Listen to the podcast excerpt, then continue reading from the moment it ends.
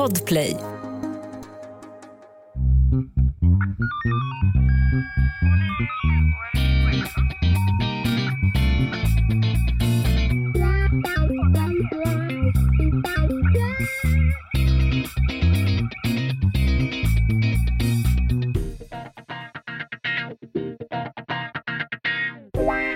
Välkomna till krimpoddarnas krimpodd Över min döda kropp. Med mig, Anna Jinghede och... Lena, den älskvärda Ljungdahl. det ville du förtydliga. Kände du Nej, jag att det behövdes? Att, nej, men inför det här avsnittet så tror jag kanske att vi ska försöka jobba upp någon form av Ah. älskvärdhet. Du För försöker, vi kommer... ja, Ja, jag försöker mota, så att säga, du Olle. försöker snabb, göra snabbinsättningar på gruppkontot nu. Ja, och jag vet ju att jag så att säga jobbar ja, i motvind. Lite mer motvindiga än jag Ja. i det här fallet. Ja. Men jag tror att... Du har ju valt ett ämne idag. Jag kastar dig direkt under bussen.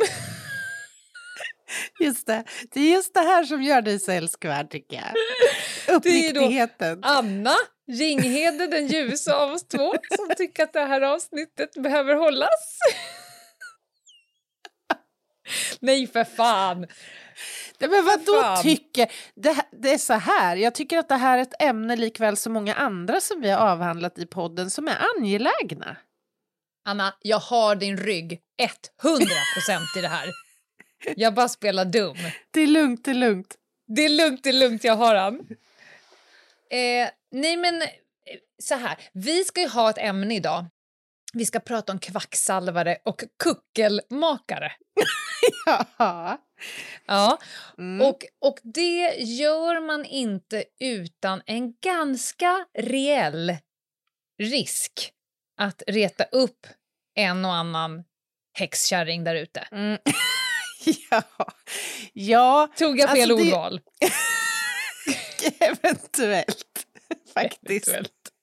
Tack och Nej, förlåt. men, nej men alltså så här, så bara ordet kvacksalvare är ju ganska laddat. Jag tror att många tänker sig eh, någon gammal klok gumma som delar ut örtomslag och besvärjelser till folk i Mm. syfte att bota deras symptom. Men det är ju ganska mycket i den här potten alltså, eller mycket i kitteln eller vad vi ska säga. Två droppar alltså. musblod. Ja. jo, Ja. Jo, men alltså, och vi, vi ska väl försöka i ärlighetens namn, även om det kanske inte är någon hemlighet vad vi tycker om kvacksalveri i Nej. dess rätta bemärkelse, ska vi försöka nyansera bilden lite grann, vad vi egentligen menar idag när vi pratar om kvacksalveri. Och jag kommer faktiskt ibland ställa mig på så att säga motståndarlaget så som det är inte helt eh, svårt att förstå eh, att det kan bli så fel ibland. Men vi ska framförallt, eh, ni som då tänker så här, vad fan det här är ju en krimpodd, inte någon form av medicinsk eh, podd. Eh, nej men det, vi kommer göra krim av det hela också för att eh, man kan begå allsköns eh, jävla eh, lagvidrigheter om Mm. man inte utövar sitt... Vad är det egentligen? Man utövar sin, sin Ja, ett, omsorgs eh, så att säga, tillämpning på rätt sätt.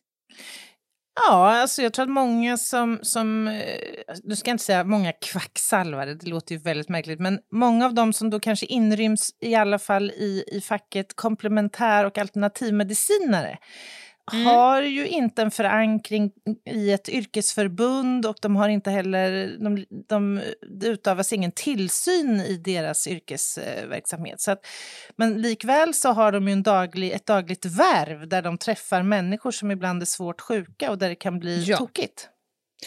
Och varje dag så hjälps det människor runt om i Sverige av också. alternativa metoder som inte Absolut. den traditionella vården kan eller får erbjuda. Så är det. Helt riktigt. Mm. Var börjar vi? Ja, men alltså, vi har ju varit inne lite på det redan, alltså vad kvacksalveri egentligen innebär. Och det handlar ju helt enkelt om att man utövar då medicinska eh, behandlingsmetoder som då inte inryms i den traditionella och konventionella skolmedicinen. Eh, och det här sker ju då vanligen av en person som saknar medicinsk utbildning och därmed tillstånd att utöva läkekonst, helt enkelt. Så har du skolmedicin? Är det Ja. ett ord? Alltså, ja, där. Och när man pratar om den konventionella, eh, empiriskt underbyggda eh, medicinen, den som vi erbjuds när vi går till eh, eh, sjukvården, så brukar man traditionellt prata om den som skolmedicinen. Jaha, aldrig hört. Nej, men så är det. Mm. Eh, och, och saken är den att kvacksalveri har funnits i alla tider egentligen. Eh, jag tror jag nämnde de här kloka gummornas örtbrygder. Eh, och det kanske Ja. är det vi först eh, tänker på. Eller smeden som hjälper till att dra ut eh, onda tänder eller vad det nu kan vara för något. Men faktum är att det här är en industri närmast idag. Om vi då pratar Mm. komplementär och alternativ medicin, två begrepp som vi kommer återkomma till alldeles strax, som omsätter enorma summor pengar. Då parallellt med eh, den allmänna hälso och sjukvården. Mm. Och man ska också säga att det här förekommer liksom i det stora eller i det lilla till det stora. Alltså, det är ett enormt panorama. Det finns, går man ut på Google och söker lite grann på alternativmedicinska metoder så, och komplementärmedicinska så hittar man ju otroligt många uppslag. Alltså. Vi snackar hundratals varianter. Ett litet instick. De läkarna som jag känner, man Mm. skulle kunna tro att läkare förnyser åt allting som inte är det som då Ginghede nu har lärt mig är skolmedicin. Men- det... Ju mer ruttade eh, läkare och ju liksom ju mer nyanserad och trygg i sin egen yrkesutövning så skulle Mm. jag säga att de läkare jag känner eh, är för de andra metoderna som komplement Ja. till. Alltså, Som stödande, underlättande... Eh, egenvård. ja, exakt. Ja, men alltså, Det är så inget länge det inte fnyseri. Nej, så länge det inte stör så att säga, en medicinsk behandling så tror jag att de allra flesta läkare, precis som du är inne på, är öppna för alternativ eh, och för komplementär behandling. Alltså det finns otroligt många vinster i det, Mm. i, i Mm. mycket av detta. Och det kommer vi också komma in lite grann på, att det är inte liksom en svart eller vit eh, historia det här, utan det finns faktiskt också ett område däremellan där läkekonsten, den konventionella och eh, övriga då som utövar den här KAM eh, metoderna, alltså komplementära och alternativa metoderna förenas och möts Mm. och har Mm. hjälp av varandra. Om man vänder sig, jag, jag gjorde en sökning för att försöka se liksom var ordet kvacksalvare kommer ifrån, för det är, ett- det är ett ganska spännande ord ändå. och jag hamnade på Wikipedia faktiskt. Eh, Men jag tyckte det lät som en, en ganska rimlig beskrivning av ordet. Alltså kvacksalvare kommer från tyskans kvacksalber. Eh, och det, det är ett ord som har sitt ursprung av orden kvacken, alltså att kvacka eller prata, samt salva. Och har då historiskt tolkats eller inneburit att en person eller en bluffmakare eller en charlatan uttalar besvärjelser i samband med användandet av sina salvor. Mhm. Eh, vad, vad säger du, låter det rimligt att tro? Jag, jag kan inte på något sätt säga emot. Visst. Absolut, säger jag.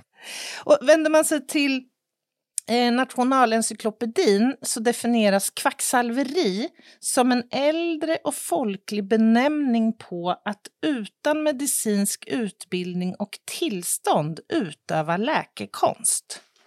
Så det är då den gängse definitionen. Och jag vill ju vara tydlig här redan Ja. från start så att säga. Det finns inget brott i Sveriges rikes lag som heter du döms för kvacksalveri. Nu Nej, finns inte det. det inte. Rätt. Men Vi du, kommer till brotten sen. just det. Har du lust att hänga med på en resa?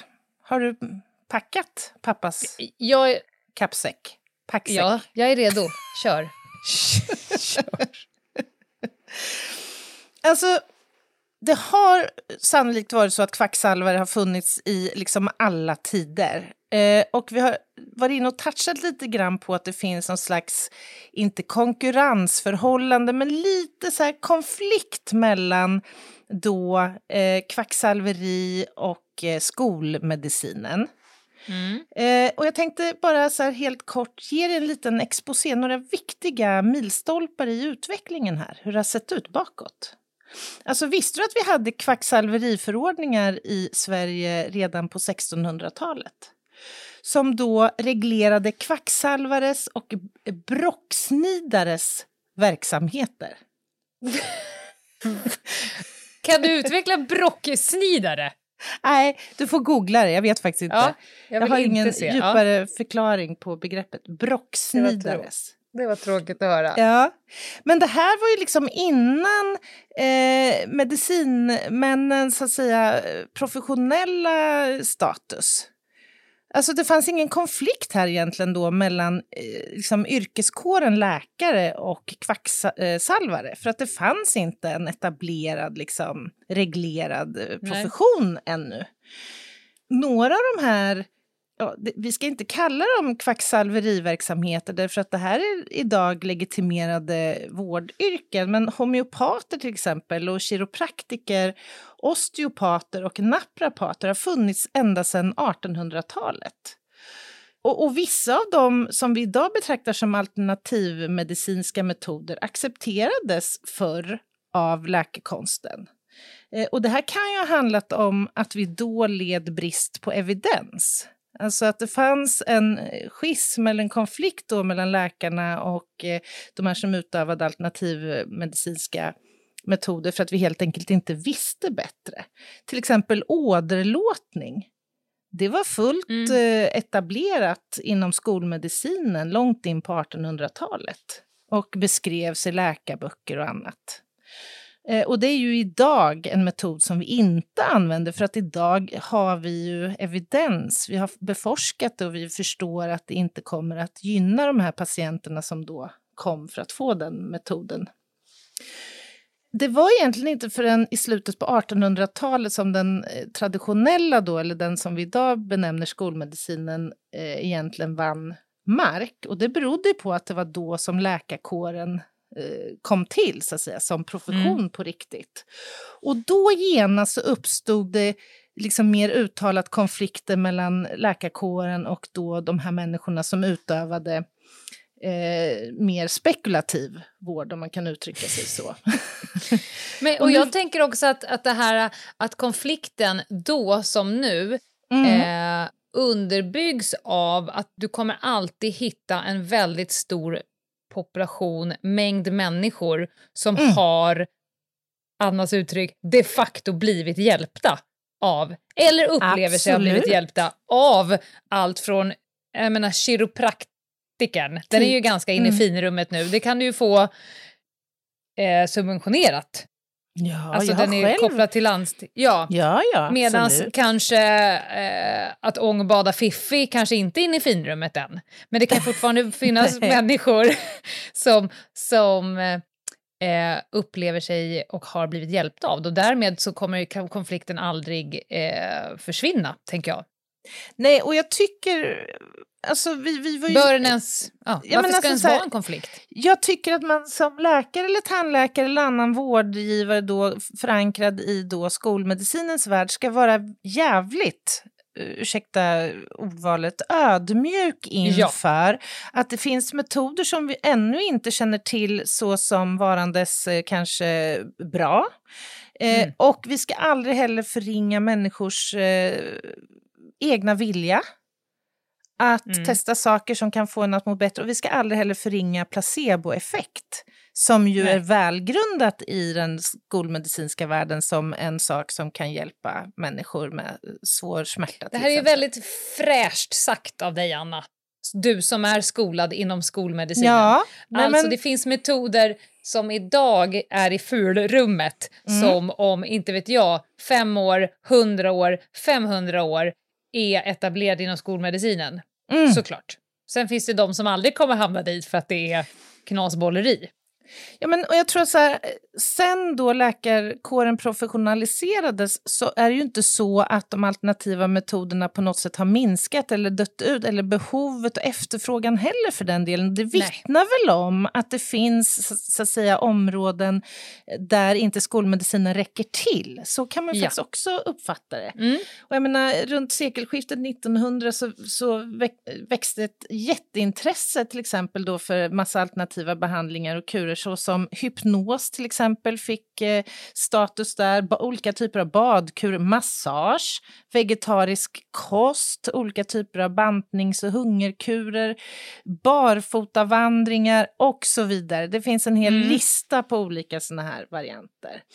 Och det här bidrog eh, till, eller orsakade att läkarkåren nu försökte ännu mer att mobilisera då mot det här som man eh, benämnde som kvacksalveri.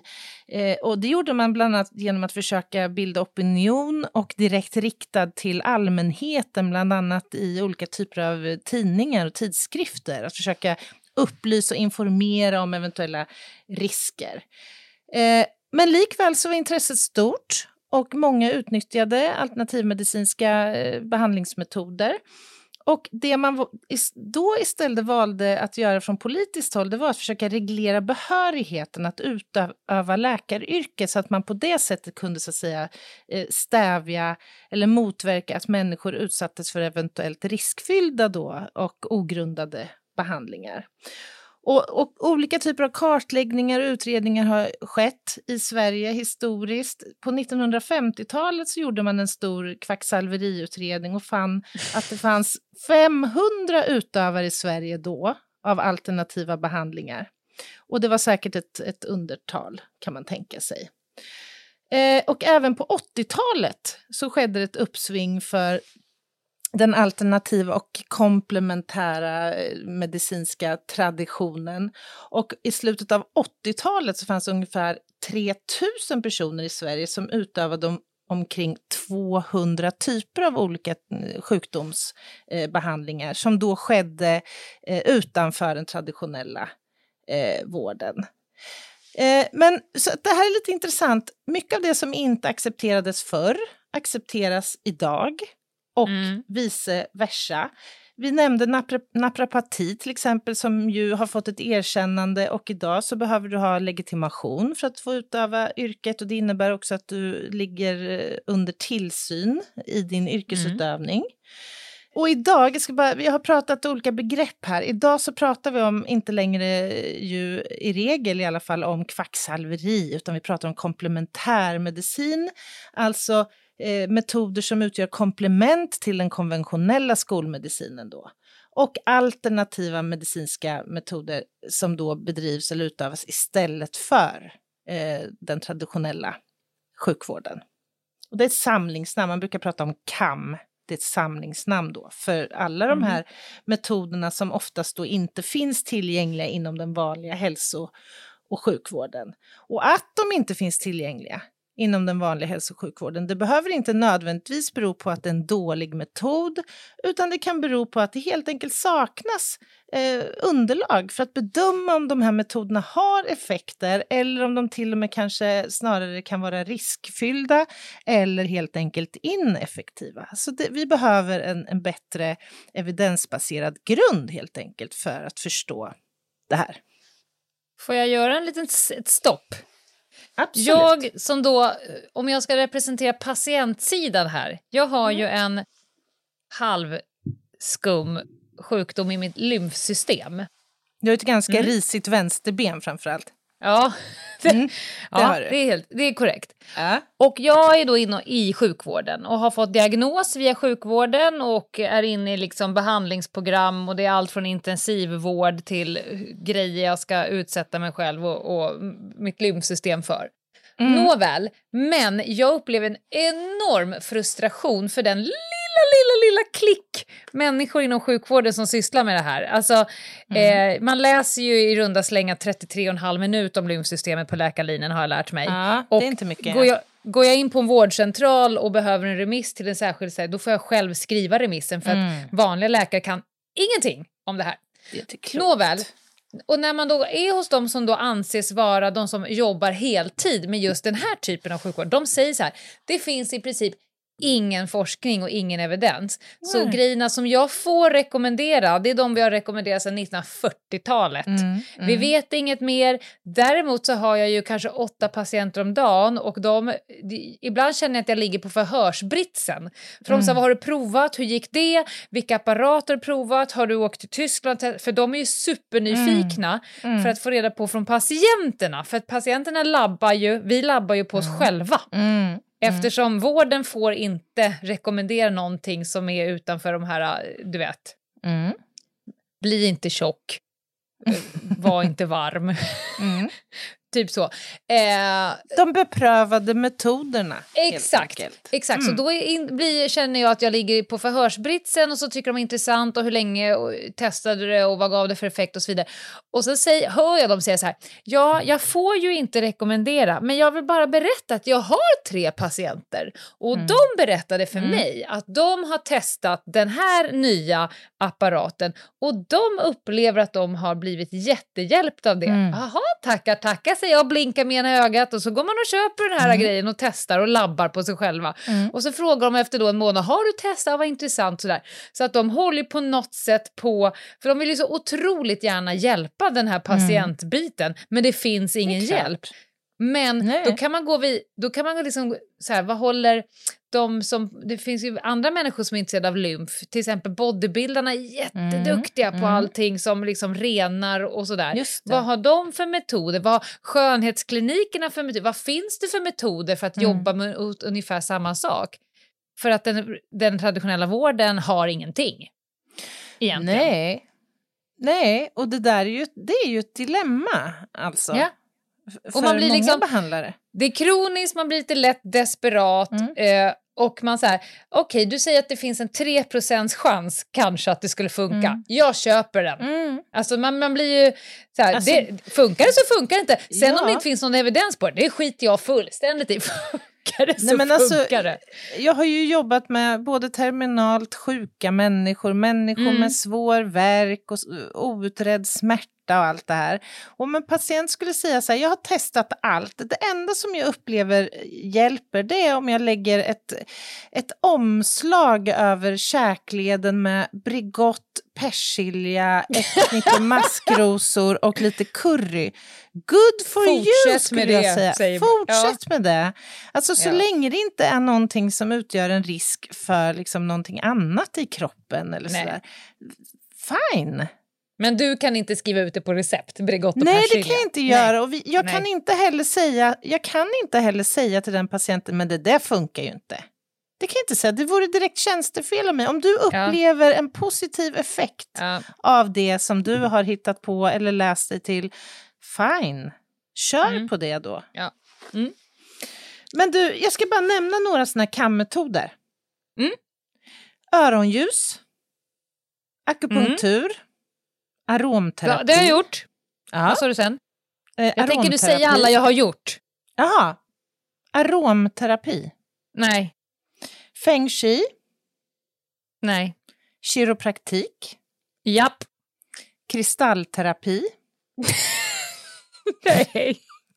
Förlåt, jag ska vara seriös. Nej, det har jag inte gjort. Flyttankar, det har jag gjort. Vad är det för något? Men det är ju ligga i en sån här tank full med saltvatten. Aha. Det ska ju vara så avslappnande och jag, fick bara, jag blev bara uttråkad. Man ska ja, ligga 60 jo. minuter under tanken, det funkar inte på mig. Men jag ska säga att jag har en, en du vän har ju badat mycket. Ja, det har jag gjort. Vi har en ja. vän och kollega som gör det här väldigt regelbundet som eh, mår mycket, mycket bättre i sin Aha, grundsjukdom som jag inte kommer mm. avslöja vilken det är. Healing, rosenterapi, Nej. Eh, hypnos, vaginala Nej. ångbad Nej. och så vidare. och så vidare. Alltså den här listan kan göras orimligt lång. Alltså ja. Vi snackar kanske ett hundratal olika då kammetoder. Mm.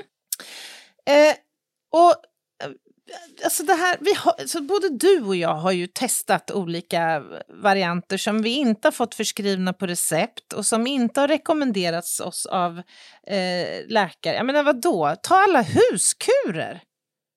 Mm. jag tror inte det finns någon läkare i Sverige som har skrivit ut honung mot eh, till exempel halsfluss. Men vi alla vet att faktum är att honung lindrar det där halsonda. Eller mm. om det är kombinationen med det heta vattnet, det vet vi ju inte. Men vi har ju binder done that, så att säga. Eh, och det här speglar väl lite grann att de här gränserna då mellan liksom skolmedicinen och de här kammetoderna inte är fixerade utan lite flytande, dels över tid då beroende på forskningsläget men också andra faktorer. Och det här förklarar ju då varför vissa av de här äldre eh, dåtidens så att säga, kvacksalverimetoder idag är fullständigt etablerade och accepterade inom skolmedicinen. Kiropraktiken till exempel, naprapati mm. och så vidare. Och det här är ju ett område som man kanske skulle vilja beforskades mer och snabbare. Vore inte det jättebra? Ja, verkligen. Tänk om det finns en metod som, är, liksom, som det finns evidens för, men folk inte ja. vet om det. Precis. Det är svindeppigt. Men vi ska inte heller glömma bort att så länge det är obeforskat så kan ju de här metoderna faktiskt också vara förenade med viss problematik. Det kan ju vara så att man upplever symptom av något slag och undviker att gå till exempel till sin läkare utan väljer att gå då till en alternativ eh, mm. medicinsk eh, utövare som då saknar medicinsk skolning, som inte liksom har eh, någon egentligen medicinsk eh, grund för det man gör för och mot eh, patienter. Det kan innebära att de här individerna inte har heller omdöme att hänvisa till, alltså kunskap och omdöme att hänvisa till den traditionella vården. Alltså man förstår inte att det här är symptom som man ska ta på allvar och som du bör få eh, utvärderat inom eh, hälso och sjukvården. Utan att man faktiskt behandlar utifrån sin tro om vad som fungerar för det här symptomet mm. utan att ha kunskap om att det kan vara en del av större problem. Och det finns det ju faktiskt ganska många eh, beskrivningar av. Här i Örebro där jag bor så har lokala tidningen nu gjort en genomgång eh, och eh, skildrat olika alternativa metoder för att bota till exempel cancer. Eh, och det mm. är ju ganska risky business alltså. Men då istället för eh, strålningscellgifter? Ja. ja. men någonstans här får väl fan någon gräns dras. Alltså att man erbjuder homeopatika för olika typer av tumörsjukdomar, till exempel. Och det är ju olyckligt. För det kan ju faktiskt innebära ett större lidande och en risk att faktiskt dö av sin sjukdom som aldrig blir utredd eller korrekt och adekvat diagnostiserad och behandlad. Mm. Men du, kvacksalveri, har vi det i Sverige idag? I ordets rätta bemärkelse? Men jag, eh, ja, jag är helt övertygad om det. Alltså om vi bortser från kiropraktik och allt det där som numera är i finrummet eh, så finns det ju... Jag tänker på så här, vad är syftet? Det är säkert jättemånga som försöker kränga på folk massa skit som syftet de inte ens den, själva... Den som utövar, tänker du? Ja, exakt. Där de ja. inte ens själva tror på skiten, men de tänker att här gäller att utnyttja att människor är sårbara och lite lätt desperata och säljer ja, på alltså... dem allsköns jävla skit. Ja, alltså jag tänker att det, eller tänker, jag vet ju att det är en ganska lukrativ bransch. Det är ju inte ja, jättebilligt att gå till en homeopat, sen ska du få med dig då en påse med sju sorters piller i som ingen vet egentligen vad det är, men som då ska hjälpa dig i din cancersjukdom eller vad det nu kan vara för någonting som kostar mm. skjortan och halva slipsen. Nu kanske jag låter lite raljant på tonen, men jag, har, jag vet lite. exempel på ja. detta. Där man mm. faktiskt har fått göra eh, såna här eh, vad heter det, fundraising liksom initiativ för att ha råd att välja en homeopatisk behandlingsinriktning istället för en konventionell cancerbehandling till exempel. Och vi snackar hundratusentals kronor för att få den här Gick det bra? Blev den personen cancerfri? Eh, nej, tyvärr eh, så gick det inte bra. Och den personen nej. lever inte längre. Och det finns många exempel på detta när man senare har visat sig inte faktiskt bli frisk. Som ju är det enda egentliga incitamentet. Mm. Nej men alltså förtjänst tänker jag. Men jag tror också så här att många, många som utnytt, eller utövar alternativa metoder eller komplementära metoder har ju inte ett ont uppsåt utan jag tror att de allra flesta egentligen vill hjälpa andra. Ja. Och lever i en övertygelse om att det här har positiva effekter. Man kanske själv har upplevt att det har haft positiva effekter. Och det finns just en, liksom en enorm community och ett stöd för mm. de allra flesta av de här metoderna som någonting som är positivt för väldigt många människor. Och det är positivt för väldigt många människor. Många upplever sig hjälpta. Men också att... viljan, att, viljan att tro på det är så otroligt stark. Jag jämför mm. med eh, om man bara jämför lite grann med religion, alltså om du, mm. tro, om du vill tro och är troende på någonting så spelar det egentligen ingen roll hur mycket fakta som du beskjuts med som talar Nej. emot det som du tror på, för att det går inte att komma åt med tanke på att svaret blir då bara att du är för lite troende. Jag kommer ihåg, jag, var, jag var, åkte runt i Syrien, Aleppo, Palmyra, Damaskus, alltså för länge sedan. Vi pratar mm. inte på 90-talet när det fortfarande var vanliga fina städer. Eh, och då när man kom in i kyrkor då var, stod någon tant där och slevade någon helig olja i pannan på mig. Mm -hmm. eh, och så fick man då tänka medans vad, vad jag ville. Hon föreslog saker som att du kanske vill bli gravid eller inte vet jag. Så här. Ja. Och sen stod hon och slafsade någon olja i pannan. Och sen så var det så roligt att i det rummet så låg det då typ så här eh, fyra par kryckor som då folk hade kunnat säga, ja men slafsa där pannan på mig. Alltså går man därifrån utan kryckor, det låg också eh, glas, såna här äh, glasöga, alltså själva ögat. Emaljögon? En emaljöga heter det, låg liksom på ett fat där. Som att så här, förstärka sig, nej men du kan önska i princip vad du vill, bara lägg en femhunka här i skålen. Så... Så, så... att den som har varit inne och pröjsat en femhunka och fått ja. den där sörjan i pannan, ja. den har alltså fått tillbaka sitt ja. ursprungliga öga och kan se igen. Ja, och fått tillbaka sitt ben och det låg någon protes och någon krycka och det är fantastiskt och då känner jag bara så här, vidden av viljan att mm. tro på saker och ting är ja, så otroligt är mm. stark mm. i oss människor. Mm. Eh, och den är lite svår att... Ja, men, ibland kanske man inte ens bör ta bort den. Det är kanske det som håller exakt. människor ihop. Jag skulle det säga det.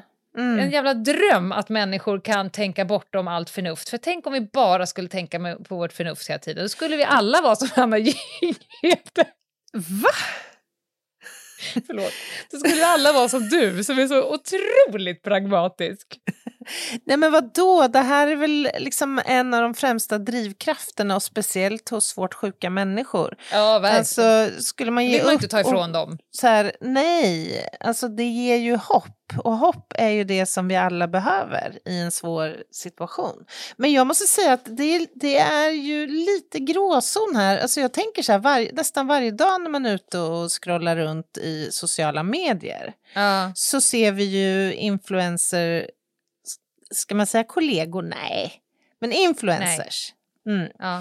Som marknadsför olika typer av substanser. Det är ja. allt ifrån anti-wrinkle age eh, QRS 75-krämen som ska ge ja. dig ett, ja men du vet, till whitening tandkrämer som är enormt bra.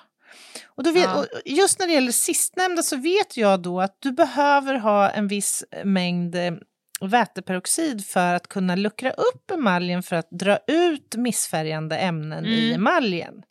Och så är det då en tandkräm som varken innehåller det eller egentligen något annat vettigt ur blekningssynpunkt. Och då mm. fattar, så jag har ju svårt att tro att det här skulle fungera. Och mm det är nog mycket av det där som, som saluförs som Förtjänst. beprövat som faktiskt egentligen bottnar i någon slags falsk marknadsföring. Vi ska gå på paus nu, Anna, och efter pausen så ska vi eh, närma oss, kan det till och med vara ett brott att hålla på med det här.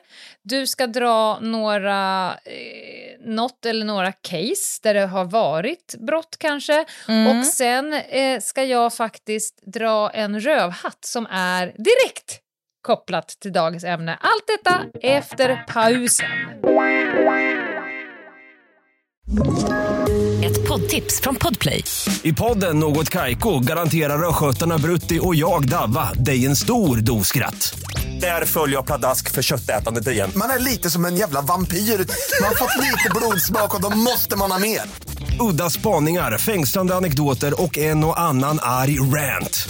Jag måste ha mitt kaffe på morgonen för annars är jag ingen trevlig människa. Då är du ingen trevlig människa, punkt. Något Kaiko, hör du på Podplay. Därför är Välkomna tillbaka, det är krimpoddarnas krimpodd Över min döda kropp och idag är vi ute i eh, tassemarken. På Ja. alla sätt det går att vara. Kanske det. Ska vi prata lite lag och brott? Lag och straff? Ja, kopplat alltså till det jag här? är ju, det här vet jag att du har kikat in lite grann på. Jag är ju supernyfiken på om det är det straffbart det här eller är det bara dumt? Ja, det är inte så jävla enkelt. Det finns ju för det första, och det sa jag redan, att det finns inget brott som heter kvacksalveri. Så. Nej. Men det fanns förr en Mm. kvacksalverilagen som då sen blev lagen om yrkesverksamhet på hälso och sjukvårdens område som numera, båda de där är stekta, den heter numera patientsäkerhetslagen Mm. och den innefattar ju massor Jajamän. för att man ska känna sig säker som patient. Vi har ju alla hört talas om IVO till exempel. Ja, jag har själv jobbat eh, under tillsyn av IVO. Mm. Till exempel. Hur är det då? Fantastiskt. Det är jättebra att det finns.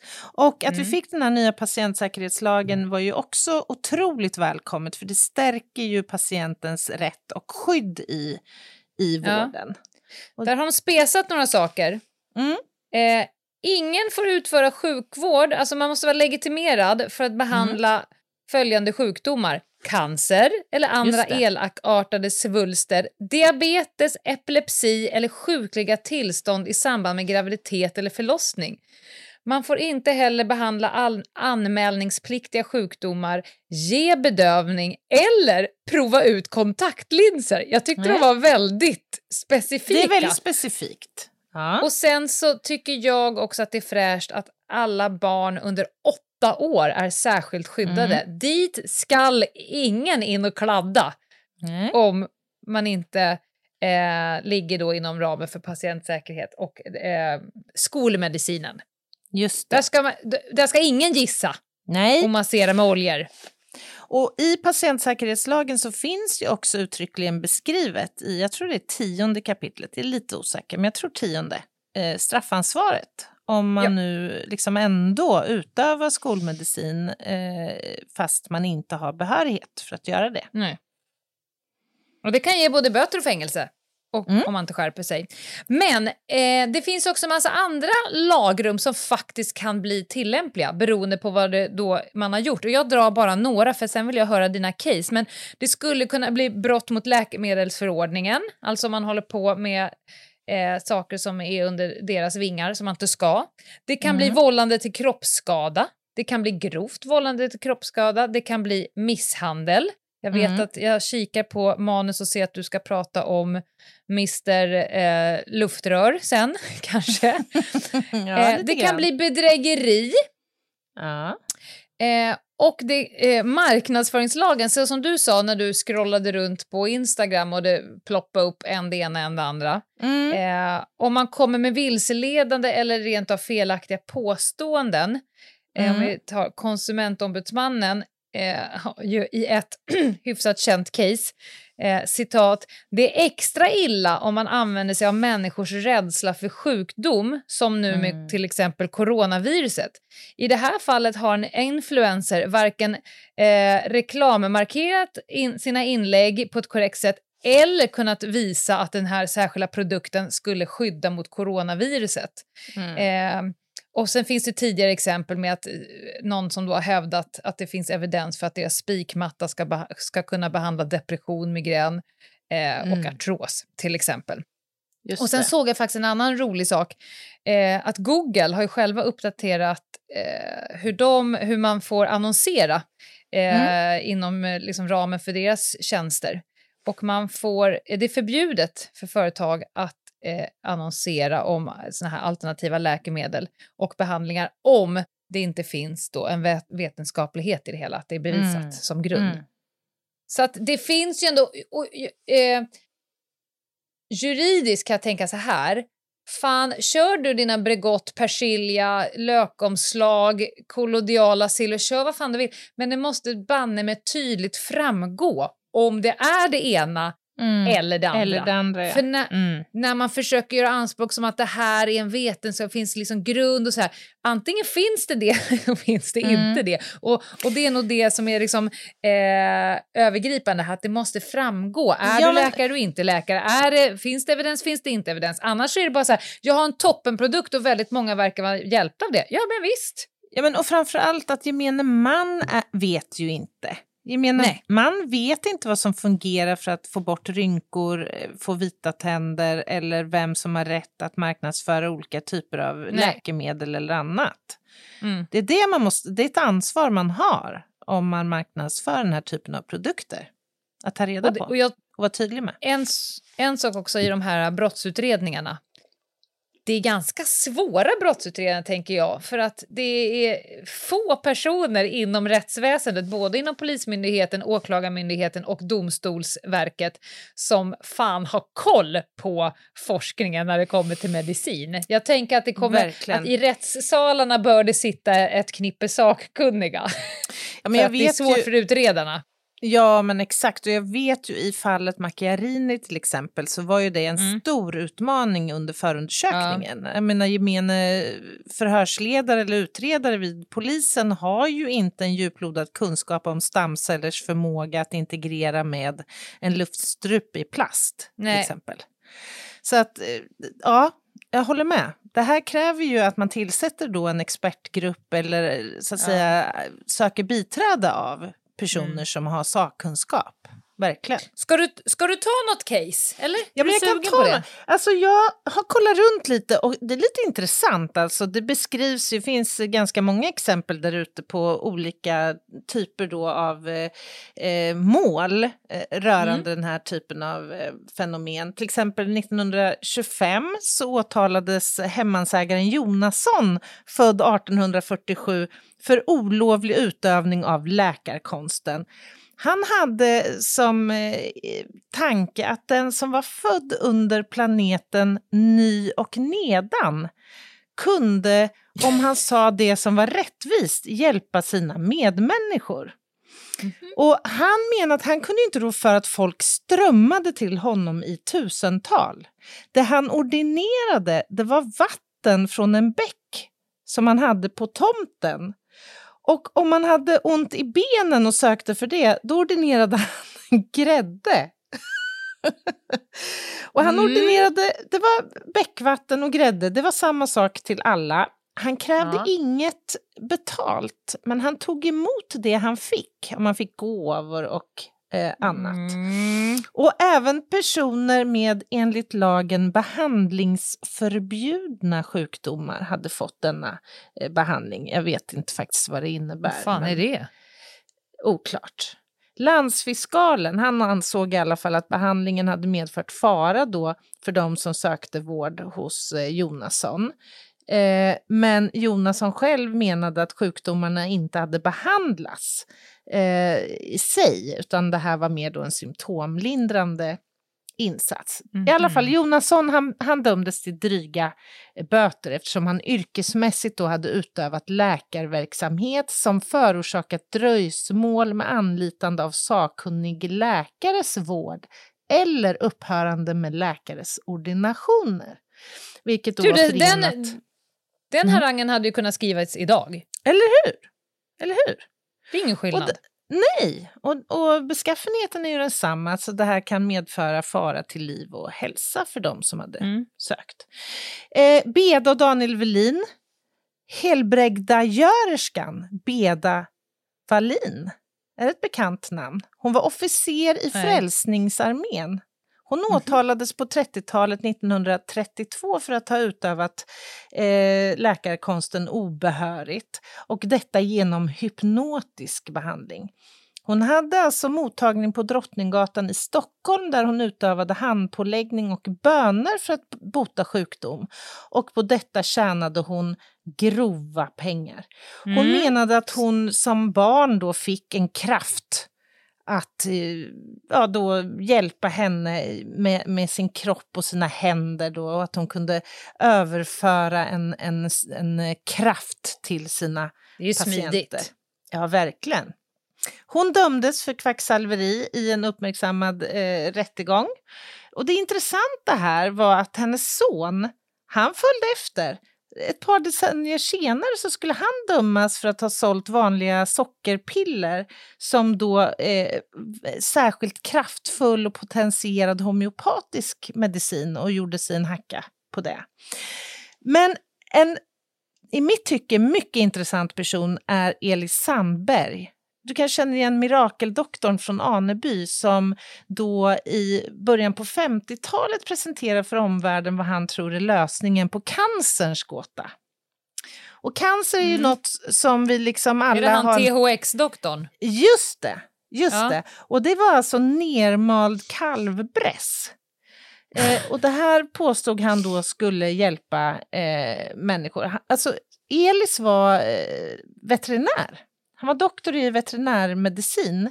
Men han öppnade nu en mottagning i Aneby och erbjöd då THX-injektioner och det är alltså thymusextrakt, en, en vätska kan man säga som, som då har utvunnits från kalvbräss. Men så han hade, en, han hade en, en klinik som veterinär där han malde ner djuren och så sprang han över till sin andra klinik och injicerade det i, i patienterna. Fy fan, han är ju, det är ju, han är ju miljö, vad heter det, kretsloppsmedveten i alla fall. Det får man fan ge honom. Det får man ge honom. Det, alltså, huvudindikationen här var ju cancer, men, men Sandberg menar att det här fungerar även mot eh, förändringar i ögonen, alltså neuropatiska förändringar Ja. från diabetes, astma och en massa andra eh, sjukdomar. Och man gjorde utredningar av eh, den här, eh, alltså THXets eventuella effekt och fann att det fanns absolut ingen effekt mot cancer, trots att då Sandberg menade att det här skulle stimulera på något sätt kroppens eh, ja, immunförsvar och därmed Okej. kriget mot eh, eh, cancern. Socialstyrelsen har gjort eh, flera utredningar på det här. Elis Sandberg dömdes i alla fall för brott till slut mot läkemedelsförordningen och för kvacksalveri. Eh, och idag, eh, eller i vart fall efter domen här, så godkändes THX som naturläkemedel men alltså inte en kausalt inriktad behandling mot cancer eller någon annan Nej. sjukdom heller för den delen. Och så måste vi säga några ord om Paolo Macchiarini.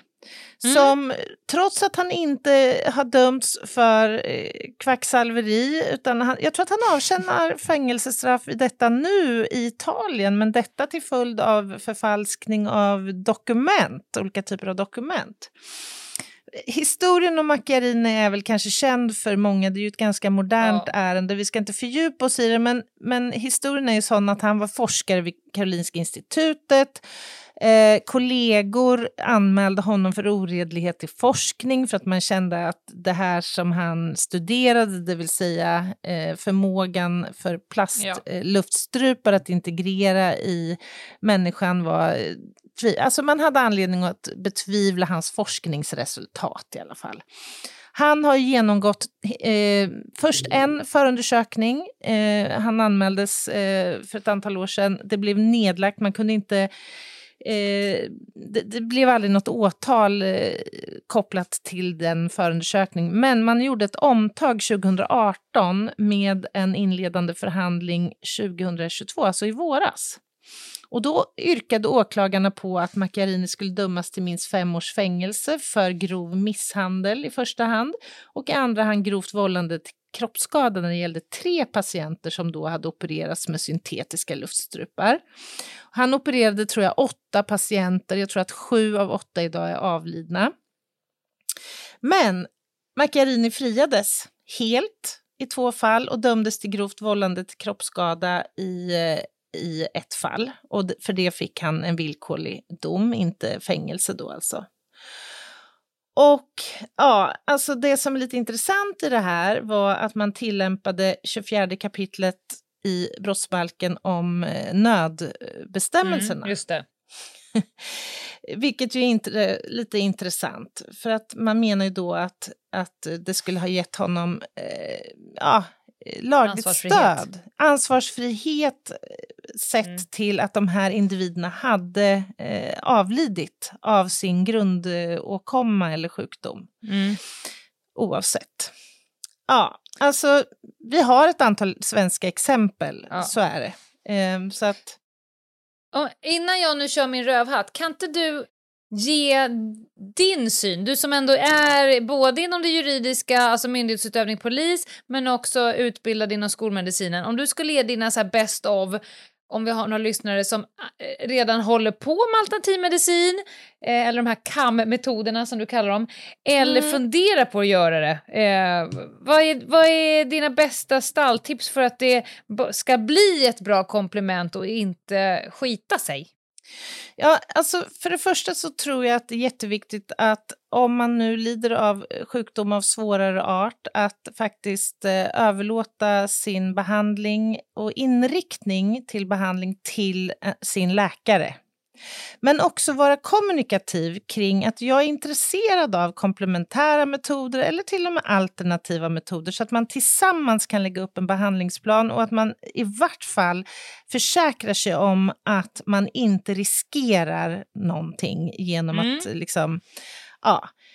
Eh, så man behöver söka fakta om de här metoderna också. För Läsa det kan på. väl åtminstone läkare få svara på. Om du som min läkare skulle säga att nu ska du gå igenom den här behandlingsmetoden. Ja, jag är super into en mix av feng shui, homeopati och, Och massage. eh, öronljus Mm, och massage. mm. Då skulle väl du som läkare kunna säga så här, jag ser inga hinder kring det. Absolut. Jag skulle, just under den här behandlingen så skulle jag verkligen råda ifrån att inte göra det där, för det Mm. kan motverka effekten av det här. Det- den diskussionen måste man ju kunna ha med sin läkare på ett öppet sätt. Absolut, och det är Ja. de allra flesta, om inte alla, väldigt öppna för. Och det är också Yes. så att varje patient i sjukvården har självbestämmande. Och patientens önskan ska mötas så långt det bara är möjligt. Men det vi inte vill är att du tar hjälp av en metod som riskerar att försämra ditt ursprungliga hälsostatus Nej, eller interagera med en pågående behandling. Mm. Eh, Mm. Jag ska bara nämna att när det gäller cancer, så är det, eh, om man nu har diagnostiserats med cancer, så är det minst en av fyra som använder sig av komplementära metoder tillsammans med då en konventionell cancerbehandling. Eh, eh, och det funkar ofta bra, men det som kan sägas är att utifrån den forskning vi har idag om cancerbehandling så finns det inga alternativ till cytostatika, strålning, hormonbehandling och andra typer av målinriktade terapier eh, som då är förstahandsalternativ till cancer. Och här Mm. skulle jag vilja slå ett slag för en liten broschyr som man kan ladda ner som heter Om du funderar på komplementär och alternativ medicin, en praktisk guide till personer med cancer av Regionalt cancercentrum i Stockholm. Mhm. Där kommer du få massor med bra svar. Jag kan säga, jag själv har ju haft både strål och eh, Mm. cellgift. Och Mm. jag spydde som en räv under så lång tid. Jag, jag gick ju ner så att jag vägde, jag tror jag vägde 48 som minst. Gud. jag måste sluta kräkas. Jag fick då akupunktur Mm. som då är en KAM-metod. Inte mot cancer utan för att jag skulle sluta spy. Och det funkade Ja. fint så att jag fick behålla något. Och det gynnade i sin tur att jag kunde fortsätta strålbehandlas för att jag inte var bara ett skelett. För då vill, de ju, då vill de ju avbryta vissa saker för att det, det så att säga, kan bli farligt. Vad fint tycker jag att du berättar det där. För att det är Ja. ett väldigt tydligt och bra exempel på Ja. när skolmedicinen och den mer icke-konventionella medicinen kan mötas och det får Exakt. en mer positiv effekt för både behandlingen och för patienten.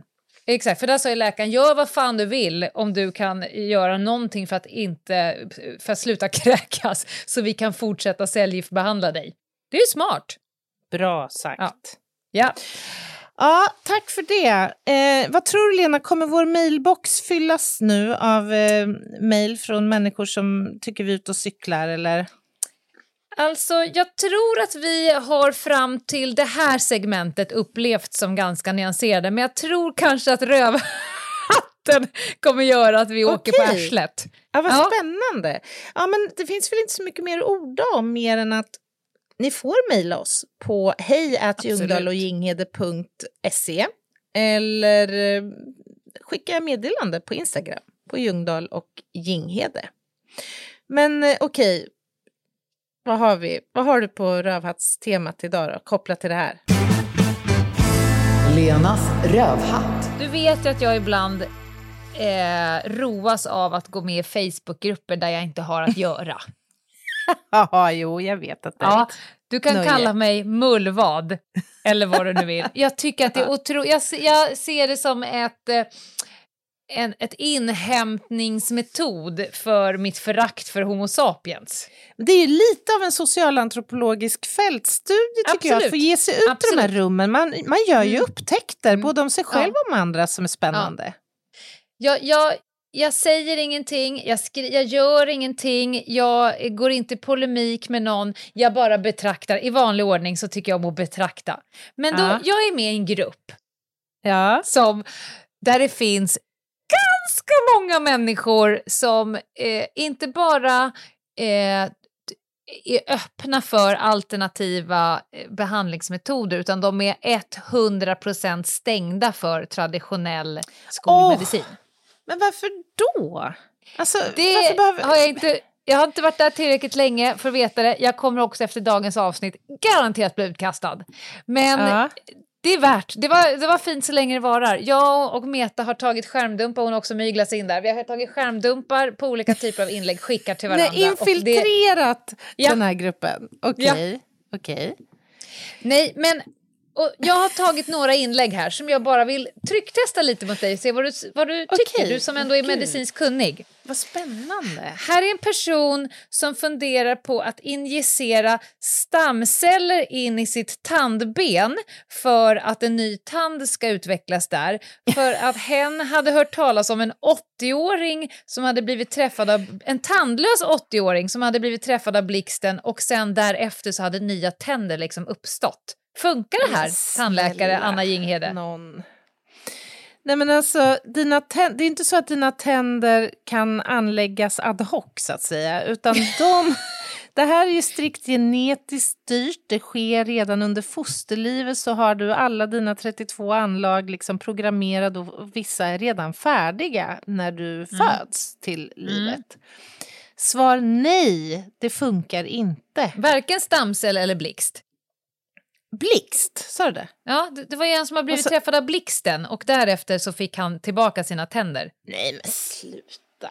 Hur skulle Nej, okej. det ske? Nej, Nej, jag vet nej, inte. Nej, nej, Stamcellsforskning är inte mitt specialområde, men nej. Det, Nej. nej. Du får skaffa ett implantat om du vill ha en ny tand. Och här är det en som har kall på sin sköldkörtel. Ja, det kan jag relatera till, ja. Också. Ja, och då eh, kommer det då en... en för att många människor frågar ju, det ska jag säga så här, det är inga rövhattar i trådarna för att det är i alla fall människor som frågar om deras Mm. råd. Det är inte någon som kastar på om råd som de inte får ha, utan här är någon som har problem med sköldkörteln och undrar, är det någon som har någon bra tips? Eh, då kommer tipsen här, du ska ta prover för att se vad det är för parasiter du har i dig. Ja, men sluta. Di, dina gallväggar kan vara igen, igenkloggade. Och sen kommer då nästa. Samma, alltså det här är ett svar till på samma fråga. Jag har kall på sköldkörteln. Fråga. Har du mobilmaster i din närhet? Nej, Test, snälla. testa att stänga av din wifi och använd inte mobilen. PS. Det kan också vara glutenintolerans. I samma svar. Det är Alltså, för det här- alltså- bra för att vara sant. Alltså vi garvar ju åt det här nu men egentligen är det här jäkligt ledsamt alltså. För här sitter Ja. det människor som är desperata för att de mår dåligt. Fysiskt Ja, dåligt av en kronisk sjukdom. Hens the rövhatt. Det är här som är själva hövrats, rövhatts... Ja! Liksom, grejen. Det här är kvacksalveri hela vägen. De här som pratar om master, stamceller och uh, vad du nu Gluten. sa. Gluten. Det är kvacksalvare. Ja.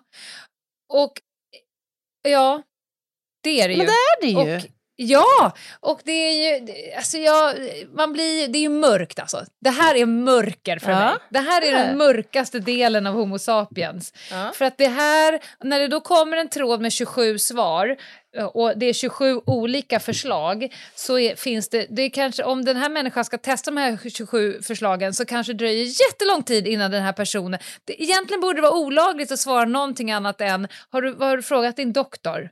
Ja, men, ja, och jag var inne på förut när vi pratade om så här, du bad mig om några råd, så, att så här, läs på, sök fakta. Mm. Ja, men ja, kanske också inte bara om kammetoden, om den alternativa metoden, utan läs på om den sjukdom du har diagnostiserats med. Så kanske Eller ännu värre, eller mer. ännu värre, du kanske inte ens har fått din diagnosen, du har inte ens gått Nej, till det sjukvården. är ju ännu värre om det För är det är väldigt många i den här tråden som, som, som start Alltså barnet har fått något jättekonstigt utslag på halsen, min gamla farmor föll ihop och har bajsat på sig. Där det kommer då svar, allt från mobilmaster till svartpeppar till så här.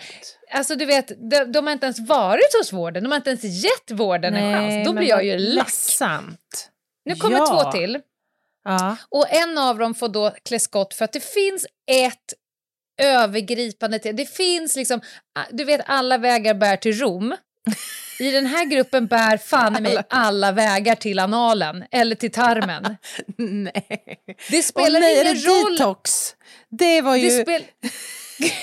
Nej, men det spelar ingen roll om den som har skrivit inlägget har hälsporre, svinkoppor, en svullen börsa i, i armbågen så är svaren rena tarmen, stötta levern och njurarna. Alltså det är 80% av alla inlägg är svaret du måste rena din tarm, du måste stötta din njure, du måste Ja, stötta din, din lever. Och det här är väl en av eh, modern tids stora, en av de största kvacksalveri-hyperna. Det här Hur med di- sin detox, detox-grejen. Du ska rensa gifter. tarmen från gifter. Kroppen är otroligt underfundig och komplex i meningen att den tar hand om gifterna som passerar ditt system. Hade den inte tagit hand om gifterna då hade du mått väldigt, väldigt dåligt. Då hade du varit svårt sjuk om kroppen inte hade gjort det. Gud så dumt. Ja, det är väldigt, men nu kommer den sista som ändå är min absoluta favorit. Här är en person som lider otroligt mycket av tinnitus. Och jag har Fy, några i min omgivning, ja, alltså de, blir ju snudd på suicidala vissa av dem och man blir Ja. trött, man får ont i huvudet, Och man där blir saknas ju bra metoder ska sägas. Exakt, och Mm. där desperationen är Det kan man hög. förstå. Mm. Verkligen. Men då, då ska du få de här tre förslagen. Ett, Mm. ät jätte, jättehöga doser av svartpeppar. Ät också samtidigt jätte, jättehöga doser av gurkmeja. Och den sista, det, det är liksom årets största rövhatt. Jag tror att det här är, om jag skulle ha en sån här intern tävling av alla rövhattar som jag haft. Den Då här jäveln, här nu. här är vinnaren som helt neglect att det är en person som mår riktigt dåligt. Om du har tinnitus är det ett tecken på, det är din kropp som försöker säga åt dig att du måste lyssna mer inåt och inte så mycket utåt. Alltså är inte det Jo. att pissa Nej, alltså. och bajsa någon i Jo. ansiktet? Jo. Men det är Skyll dig själv din så- jävel, du måste lyssna mer inåt. Det är din kropp som försöker skärma av världen, du måste lyssna mer inåt. Du måste dö! Mm, men det tänker är jag. s- framförallt så fundamentalt oetiskt och oskönt sagt till någon som mår jättedåligt. Ja, Va? ja. Och, Och vad betyder och det här- ens?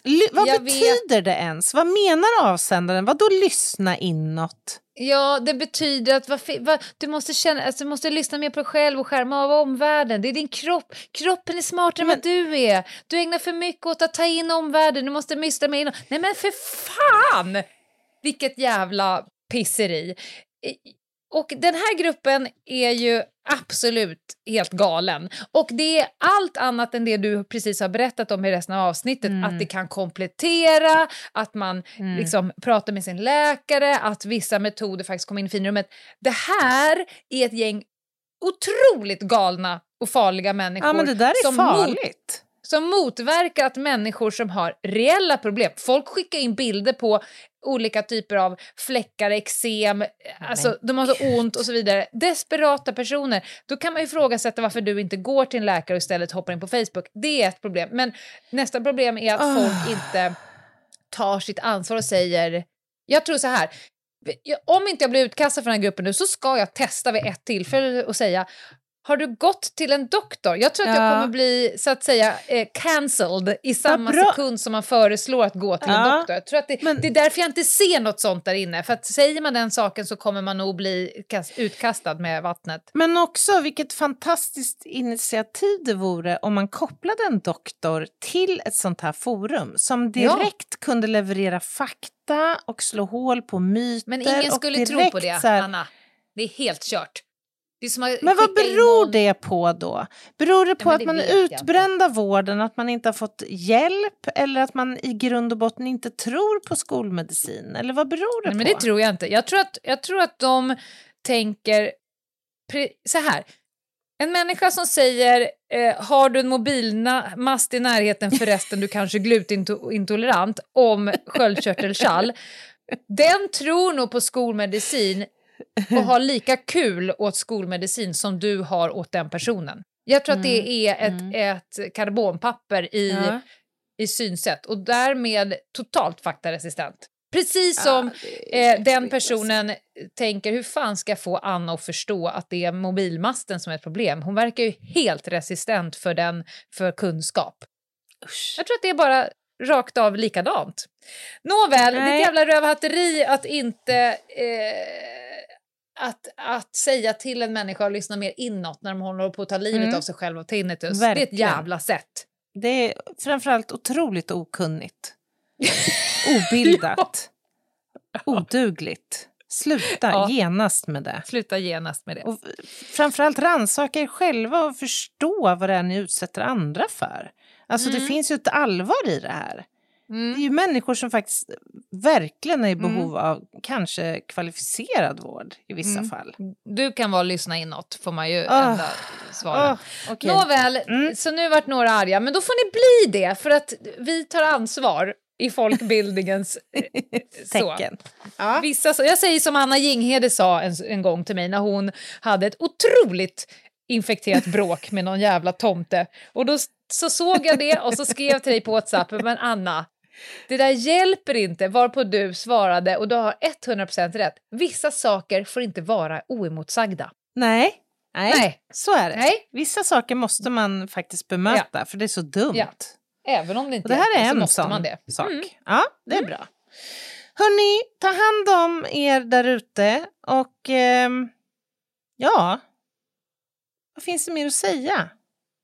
Käka gurkmeja och håll dig från masterna. Ska vi se om det löser sig med allt vad du har problem med. Och glöm för fan inte att stötta tarmen. För vad du än gör, det blir, jag, jag tänker att det kommer bli en merch. Stötta tarmen. Tarmen framför allt.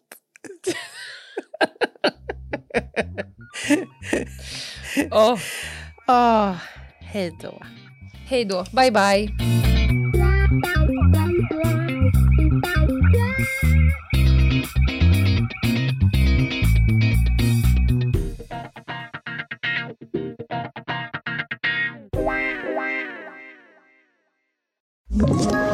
Ett poddtips från Podplay. I podden Något Kaiko garanterar östgötarna Brutti och jag, Davva, dig en stor dos skratt. Där följer jag pladask för köttätandet igen. Man är lite som en jävla vampyr. Man har fått lite blodsmak och då måste man ha mer. Udda spaningar, fängslande anekdoter och en och annan arg rant. Jag måste ha mitt kaffe på morgonen för annars är jag ingen trevlig människa. Då är du ingen trevlig människa, punkt. Något Kaiko, hör du på Podplay. Därför är gardinerna.